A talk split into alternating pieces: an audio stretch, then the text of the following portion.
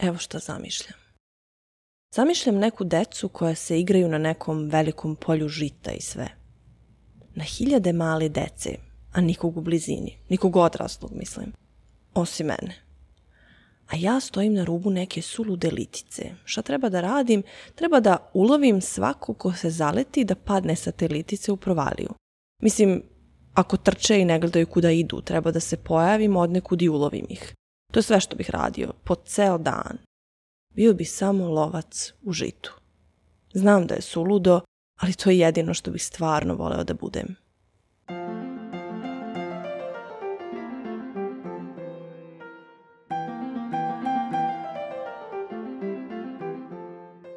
Dobar dan, dragi slušalci, ja sam Aleksandra, a vi slušate podcast Digitalnog omladinskog centra Gradske biblioteke u Novom Sadu.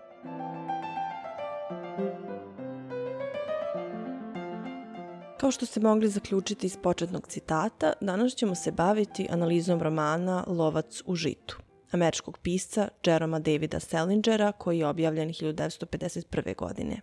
Bio je prilično kontraverzan u svoje vreme i i dalje je rado čitan. Kod nas je odnedavno uvršten u školsku lektiru.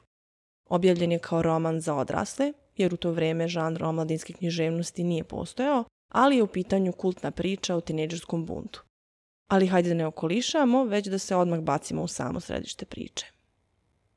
Roman se najčešće tumači kao neuspeli pokušaj glavnog junaka, Holdena Caulfielda, ili preciznije rečeno antijunaka, da se poveže sa drugim ljudima dok se konstantno bori sa strahom od odrastanja i pokušava da zadrži svoj idealizovani pogled na detinjstvo.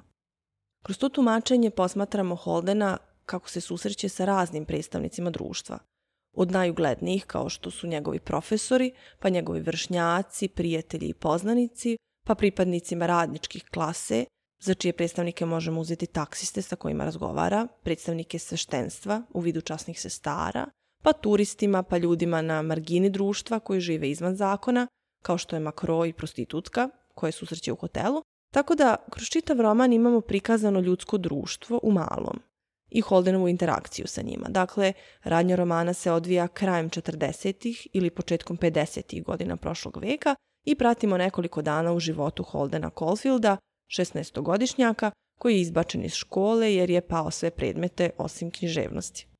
Holden odlučuje da napusti školu pre vremena i ode u New York.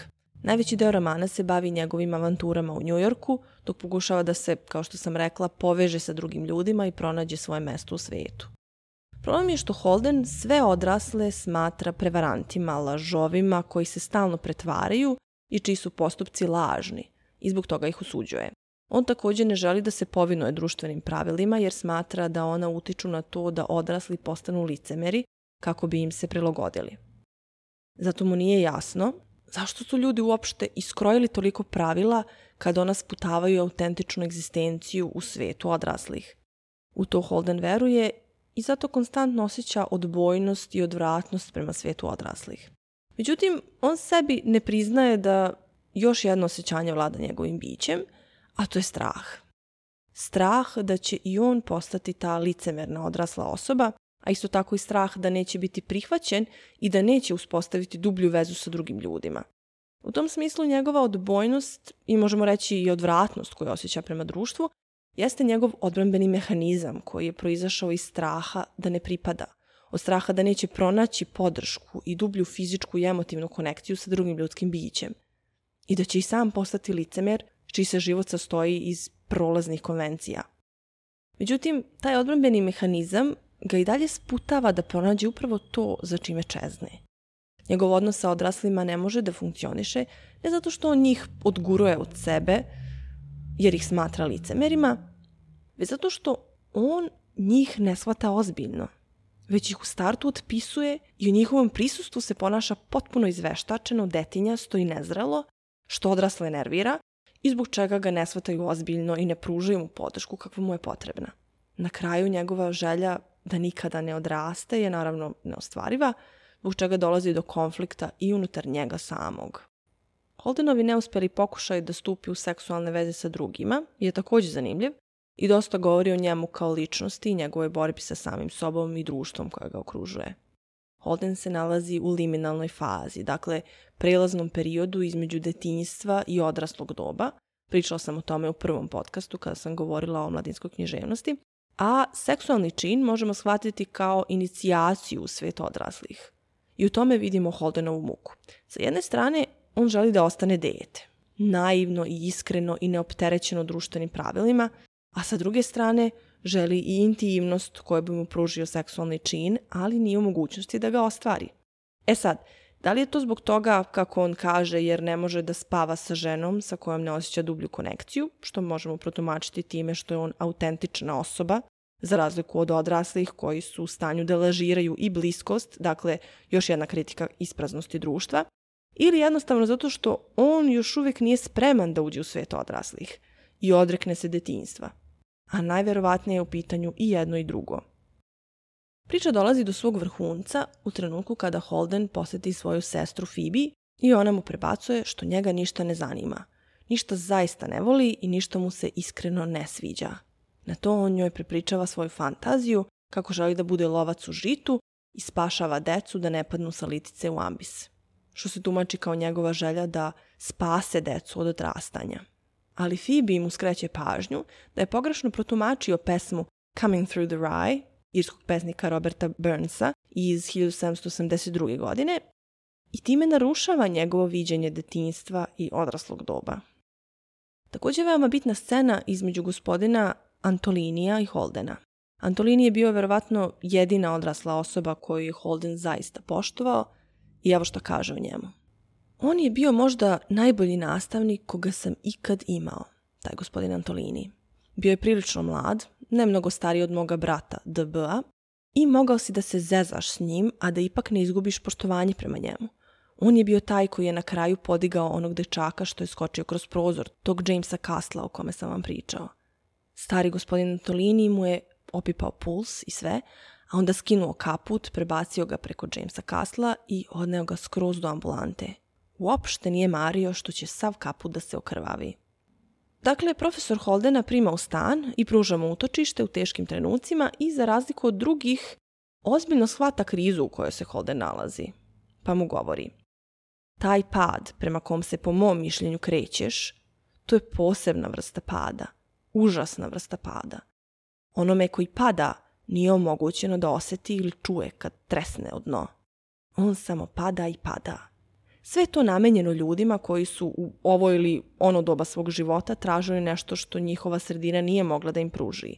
Ili su mislili kako njihova sredina to ne može da im pruži. I tako su prestali da traže. Odustali su, pre nego što su uopšte i počeli. Ne želim da te plašim, rekao je. Ali mogu sasvim jasno da te vidim kako velikodušno umireš na ovaj ili onaj način za neku krajnje bezvrednu stvar. I onda mu profesor daje papir na kojem je napisao mudrost Wilhelma Štekela. Osobina nezrelog čoveka je što hoće da za nešto slavno umre, dok je osobina zrelog čoveka što hoće da za nešto skromno živi. U ovome su otprilike sumirani svi Holdenovi problemi. Tako da, gospodin Antolini je jedina odrasla osoba koja zaista razume Holdena i zato je još strašnija scena kad se Holden probudi i zatiče profesora kako ga miluje po glavi. Taj događaj je Holdena strašno potresao, zbog čega je pobegao iz profesorovog doma i kako god da protumačimo ovu scenu, ona će biti baš žalosna. Ako je profesor samo pokušao da pruži utehu izgubljenom dečaku sa kojim je se osjećao, Holdenova reakcija pokazuje koliko je Holden zaista lišen nežnosti i utehe, da je svaki fizički gest tumačio kao nešto izopačeno i perverzno. Sa druge strane, nije čak ni važno kakve su bile profesorove namere, važno je kako se Holden u tom trenutku osjetio, a njemu jeste bilo neprijatno i on se osjetio izdanim od jedine odrasle osobe koje je verovao. Jedina osoba koja ga je razumela i koja mu je pružila podršku je također licemjer sa zadnjim namerama.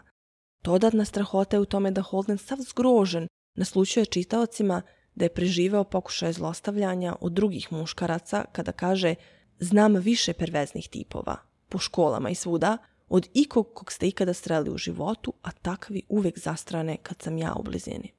Tako da je u tom kontekstu njegov strah potpuno razumljiv. Kroz ovo otkriće dobijamo još jedan sloj psihologizacije lika koji nam objašnjava zašto je toliko podozriv prema starijima, zbog čega ima problema sa seksualnošću, i zašto želi da ostane dete. Još jedna trauma koja je uticala na njegovo psihičko stanje je tragična smrt mlađeg brata Elija. Ali kao ni za seksualno zlostavljanje, ni o Elijevoj smrti ne saznajemo više detalja, međutim, Holden se stalno vraća toj tragediji i Eli mu je stalno u mislima, tako da bez obzira na to što nismo upoznati sa pojedinostima, jasno nam je da je ova tragedija jedna od Holdenovih okidača.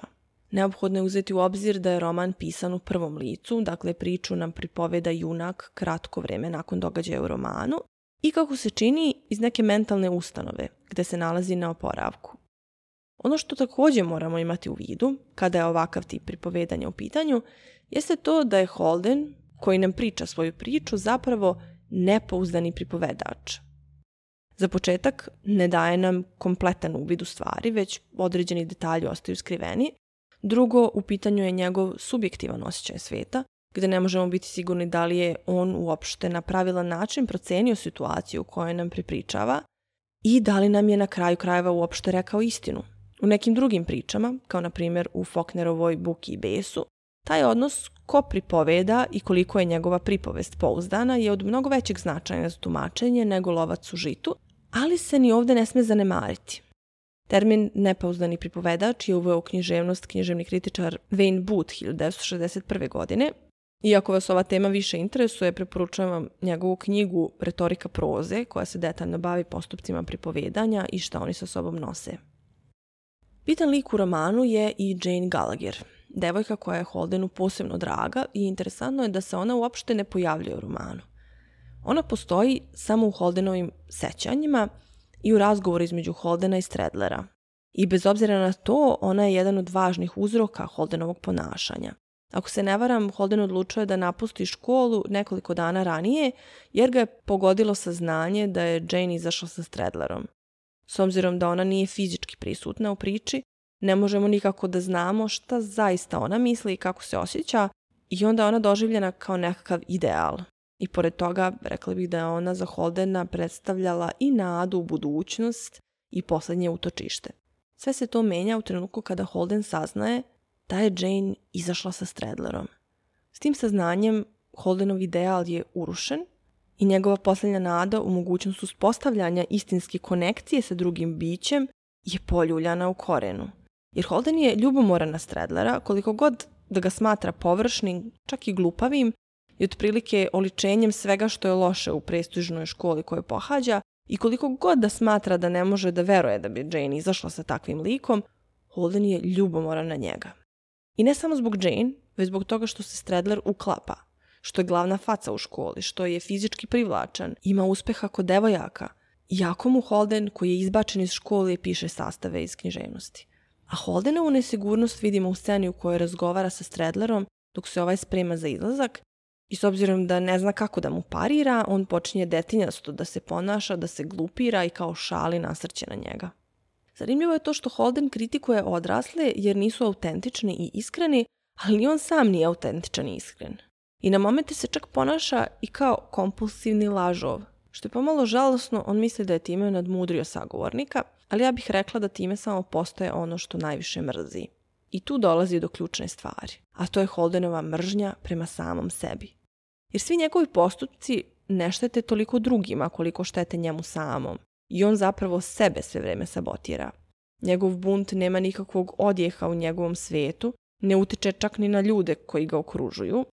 Strah od ulaska u svet odraslih koji je zamaskiran navodnom mržnjom, on opravdava time što mu smeta to što, kako smo rekli, svet odraslih ima previše pravila i svi moraju da se drže tih pravila i zbog njih počinju da se pretvaraju. Ono što Holden ne shvata jeste da društvo, bar ovako kako mi poznajemo, zapadno društvo, ne može da funkcioniše bez pravila. Stoga je nastala i teorija o društvenom ugovoru po kojoj je zapadno društvo nastalo tako što su se ljudi dogovorili da uvedu pravila koja se moraju poštovati, koja bi nas sve donekle ograničila, ali čime bi dobili zaštitu i sigurnost. Tako da život u društvenoj zajednici ima svoje mane, ali i prednosti. To što Holland vidi svet crno-belim, detinstvo idealizuje i smatra ga nevinim i iskrenim, a odraslo doba osuđuje jer je prepuno neistine, laži i pretvaranja, je vrlo naivno i nezrelo od Holdena jer život ne može da se posmatra u isključivim suprotnostima. I to je jedan od razloga zbog kojih ga Jane Gallagher toliko razočarava. Jer u njegovom svetu, ako ona nije čisto i neiskvareno biće, onda znači da je pritvorna i licemer kao i ostali. Sa druge strane, davno je prevaziđena Šilerovska i Rusovska ideja o detetu kao naivnom i nevinom biću. Deca i tekako znaju da budu okrutna i sebična, isto tako i odrasli ljudi. Kao što mogu da budu zli i okrutni, sposobni su za neverovatno velikodušne gestove i ne mogu da se podele na superheroje i zlikovce. E sad, ono što je takođe važno za razumevanje lika, ali i samog konteksta priče, jeste da Holden pripada, mogli bismo reći, višoj srednjoj klasi. Njegova porodica nema nikakvih finansijskih ni egzistencijalnih problema. Njegov otac je ugledni advokat koji, kako se čini, zavidno zarađuje, žive u velikom stanu u centru Njujorka i Holden pohađa skupe škole i nimalo ne brine o školarini. Kako sam kaže, otac mi je međutim prilično bogat. Ne znam koliko zarađuje, nikada nije razgovarao sa mnom o tome, ali poprilično verujem, on je advokat neke korporacije. Takvi samo zgrću pare. Iz tog razloga kada sam prvi put čitala roman u tinejdžerskim godinama, nije mi se dopao. Nisam ni malo saosećala sa Holdenom, smatrala sam da je obično razmaženo derište, kojem je pruženo sve i on sad misli da je strašno izuzetan jer je otkrio da su svi ljudi licemeri. A suprostavlja se društvu tako što traći svoj potencijal i sve ono što mu je pruženo. I to bi moglo donekle tako da se shvati, ali bi bila šteta. I dosta bi se izgubilo u tumačenju priče i Holdena kao lika. Baš zbog toga što mu nikada egzistencija nije bila materijalno ugrožena, on može da se distancira od tog aspekta života i iz drugačijeg ugla sagleda neke stvari. Osoba koja ima egzistencionalne probleme nema vremena da razmišlja o smislu školovanja, o iskrenosti profesora, o plemenitosti određenih zanimanja i sl. Ti ljudi moraju pošto poto da se prilagode pravilima kako ne bi ostali gladni ili na ulici. Tako da je u pitanju potpuno drugačiji mentalni sklop i pogled na svet. A Holden je oslobođen svega toga, tako da njega i njegove školske drugove ta pitanja ne opterećuju. Kada ga Phoebe pita zašto ne bi bio advokat, kao njegov otac, Holden joj odgovara. To i nije tako loše, mislim, ali ne privlači me, rekoh.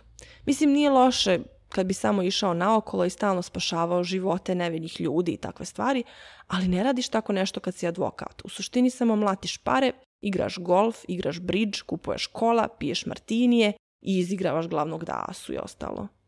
Kao što vidimo, Holdena ne zanima materijalno i ne razmišlja o ljudima koji moraju biti licemeri da bi preživeli, već onima koji su licemeri jer se pretvaraju da je njihov rad značajan i velik. I mnogo zarađuju, ali zapravo ne doprinose društvu. Ne spašavaju živote, već samo glume da su značajni i kako kaže mlate pare i izigravaju glavnog dasu. Međutim, on ide i korak dalje, pa kaže, čak i kada bi išao naokolo i spašavao nečije živote i sve, kako bi znao da li to radiš zato što stvarno želiš da spašavaš nečije živote ili samo zato što u stvari želiš da ispadneš neviđen advokat, da te svi tapšu pa ramenu i čestitaju ti u sudnici kad se prokleti proces završi. Reporteri i svi kao u idiotskim filmovima. Kako bi znao da nisi dvoličan? U tome jeste problem što ne bi znao. Dakle, Holden se pita da li uopšte postoji nesebičnost, da li je moguće baviti se takvim poslom i biti istinski plemenit. Jer kako možeš biti siguran da to ne radiš iz neke lične koristi, egoizma, samoljublja i slično? Što je u suštini Schopenhauerova filozofija morala, jer istinski moralan postupak je samo onaj koji je u potpunosti nesebičan. Jer ako tim postupkom postižemo neki oblik ličnog ispunjenja ili ukidanja bola, onda taj postupak gubi na moralnoj težini. Tako da Holden nesvesno nabasava na Schopenhauerovu filozofiju, a kako kažu antički mislioci, filozofija je proizašla iz dokolice, ali žalu na stranu, ovo je ipak dublje od priče o razmaženom tinejdžeru. Interesantno je da baš tinejdžer postavlja ta pitanja, jer jedino još tinejdžer i može da ih postavi, jer je još uvek donekle slobodan, nije do kraja upregnut u mašinu, nije internalizovao društvena pravila, još je u stanju da preispituje uslove društvenog ugovora, kao što govori Sali. Trebalo bi da odeš u neku mušku školu, probaj jednom, rekoh. Prepune su licemera i samo učiš, ne bi li naučio da budeš dovoljno bistar kako bi jednog lepog dana bio u stanju da kupiš prokleti kadilak i stalno moraš da se praviš kako ti je teško, ako je ragbi tim izgubio i po ceo dan pričaš samo o devojkama, piću i seksu, i svi su izdeljeni u te odvratne male klike. Likovi koji igraju košarku drže se za sebe, katolici se drže za sebe, prokleti intelektualci se drže za sebe, likovi koji igraju bridge drže se za sebe, čak se i likovi koji pripadaju prokletom klubu knjige meseca drže za sebe. Takođe kritikuje i moderni materializam i konzumerizam, na koji se često na kraju svede smisao modernog zapadnog čoveka. I ću da vam pročitam moj omiljeni citat. Uzmi samo kola, rekoh. Rekao sam to veoma tihim glasom. Uzmi većinu ljudi, ludi su za kolima. Pate ako ih malo ogrebu, negde, i večito pričaju o tome koliko milja prelaze s galonom benzina. I čim nabave nova kola, već misle kako da ih zamene za neka još novija. Ja ne volim čak ni stara kola, mislim, uopšte me ne interesuju. Radije bih imao neku konja, konj je bar human. Mark David Chapman, čovek koji je ubio Johna Lennona, je izjavio da je Lovac u žitu njegov omiljeni roman i da se poistovećuje sa Holdenom Caulfieldom i uhapšen je sa primjerkom romana. A na suđenju prilikom obraćanja je pročitao pasaž iz romana. Ovo je malo jeziva trivija povezana sa knjigom, ali nisam mogla da je zaobiđem jer Holden je tako očigledno protiv nasilja u svakom smislu da mi je, kad sam to pročitala, bilo malo čudno da je osoba koja se poistovećuje sa Holdenom zaključila da treba da ubije nekoga. Jer Holden otvoreno kaže kako mrzi rat, ne voli fizičko nasilje, nikad se ne tuče osim kad njega tuku, kao u sceni sa Macronom. Holdenova reakcija na nepravdu u svetu i licemerje društva jeste da pobegne. Pa tako beži iz škole u Njujorku, pa nakon toga nagovara Sally da pobegnu, da se odvezu gore do Massachusettsa i Vermonta i svuda naokolo. Znaš, tamo gore je užasno lepo, najozbiljnije, bez zezanja, rekoh. Imam oko 180 dolara u banci. Mogu da ih podignem kad ujutro otvore, a onda mogu da odem po taj auto, bez zezanja. Smestit ćemo se u neki bungalov, tamo u nekom kampu ili negde, dok nam traju pare. A onda kad nam nestane para, mogu da nađem neki posao, pa bismo mogli da živimo uz neki potok ili negde, a kasnije bih mogli da se venčamo ili nešto. Zimi bih mogao da nacipam koliko god nam treba drva i svega. Fantastično bi nam bilo, kunem se. Ovo je naravno potpuna fantazija, čega je Caulfield svesan, ali u tom trenutku kada nagovara Sally, zaista želi da veruje da bi taj beg rešio njegove probleme i odlučuje da potpuno zanemari to što ne voli Sally, čak je ni ne poštuje, već ju je pozvao iz čiste dosade i zato što mu je trebala podrška. Kada mu Sally otvoreno kaže da je to potpuno besmisleno i da su na kraju krajeva oni maloletni, Colfit se ljuti na nju jer mu ruši fantazije i tera ga da se suoči sa sobstvenom naivnošću, na šta nije spreman. Jer Holden ima tendenciju da idealizuje potpuno nerealistične ideje i kada uporedi stvarnost sa takvim idealima, naravno da će biti razočaran, kao što je idealizovao Jane Gallagher, pa su u poređenju sa njom sve druge devojke plitke, dosadne i glupe, I na kraju ni Jane ne može da dostigne taj ideal i zato Holden i odlaže da je nazove, jer ne želi da rasprši svoje iluzije. Već sutradan ponovo planira da pobegne, ovoga puta sam, i da stopira i ode negde na zapad, jer je tamo, citiram, sve tako lepo i toplo i gde me niko ne poznaje. Planira da pronađe neki posao, recimo na benzinskoj pumpi i da se pravi da je nem, kako ne bi morao da razgovara ni sa kim i sagradit će malu kolibu kraj šume i pronaći prelepu nemu devojku koju će oženiti da ne bude usamljen. I kaže, ako budemo imali dece, sakrićemo ih negde, kupit ćemo im puno knjiga i sami ćemo ih učiti da čitaju i pišu. Kao što vidimo iz ovih fantazija, Holden nema hrabrosti da se suoči sa svojim problemima. Sa činjenicom da mu je brat mrtav, da je možda bio zlostavljan, da ga je potreslo to što je svedočio samoubistvu školskog druga koji je trpeo vršničko nasilje, da ga je strah odgovornosti koje donosi sa sobom svet odraslih i da se plaši da će mu život biti isprazan i da će se svesti na prazne konvencije. Ono što Holden ne svata jeste da od ovih problema ne može fizički da pobegne, jer ih stalno nosi sa sobom. Ali u tom trenutku on ne može ni sa kim da podeli svoj bol, ni na koga da se osloni, Čak su i njegovi roditelji odsutni iz priče. I ne samo fizički, već i emotivno. Kroz kratke komentare o roditeljima vidimo da otac nije posebno nežan. Holden nema visoko mišljenje o njemu, a majku žali jer nije prebolela smrt sina, tako da su i jedan i drugi roditelj i fizički i emotivno odsutni iz Holdenovog života. Šalju ga u skupe internate i veruju da su time ispunili svoju roditeljsku obavezu. Jedina osoba koja uspeva donekle da ga trgne jeste njegova mala sestra Phoebe, ili ti u zvaničnom prevodu Feba. Kada je ona izrečito tražila da pođe sa njim, tek u tom trenutku je shvatio da ipak ima osobu na koju može da se osloni, sa kojom je blizak i kojoj je potreban, kao i ona njemu. I pogodilo ga je kada je ona rekla da odustaje od škole i od predstave u kojoj je trebalo da glumi i da ne želi da se vrati u školu. To mi je bilo zanimljivo, jer Holden se skroz čitav roman odriče svega ovoga. Ne podnosi ni predstave ni filmove jer su očigledno pretvaranje, izbačen je iz nekoliko škola, pa je i pobegao iz poslednje, ali kada Phoebe kaže nešto slično, on se potpuno šokira. Tako da tek ovde zaključujem da Holden ne veruje zaista u sve što govori, jer bi onda poticao Phoebe da i ona odustane od svega i da zajedno žive nekim autentičnijim životima, ali nije tako. Holden želi da Phoebe ostane i na kraju i on ostaje zbog nje. Da li je onda Holden hteo da pobegne zato što je jednim delom biće verovao da je ipak problem u njemu? Takođe on ne pruža nikakvu alternativu. Ne zagovara to da društvo treba da se promeni, samo da su činjenice takve kakve jesu i da on ne može da ih prihvati. Međutim, na kraju ih ipak prihvata, odlučuje da se vrati kući, odlazi na lečenje i planira da se vrati u školu. A da li će istrajati u svojoj želji da se promeni i prilagodi, to ne možemo znati.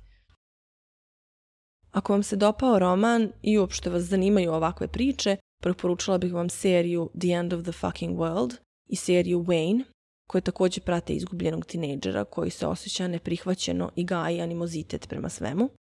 A, ove serije su otprilike prikaz šta bi se desilo da je Sally pristala da pobegne sa Holdenom i da su im se usput dešavale bizarne avanture. Doduše, junaci i jedne i druge serije su mnogo manje realistične likove od Holdena i njihovo ponašanje, postupci i generalno psihičko stanje su dovedeni do ekstrema, prosto da bi priča bila zanimljivija i uzbudljivija na ekranu. Ali ako volite priče o tineđerskom buntu, neprilagođenim likovima koji mrze svet, sigurno će vam se dopasti. I, dragi slušalci, to bi bilo sve u današnjem podcastu. Nadam se da vam se analiza svidela, da je doprinela vašem čitanju romana, da ga je bar malo obogatila ili pružila neku novu perspektivu. Nadam se da uživate u letu i da imate vremena za čitanje, a mi se ponovo čujemo sa nekom novom temom iz književnosti od septembra. Prijatan dan!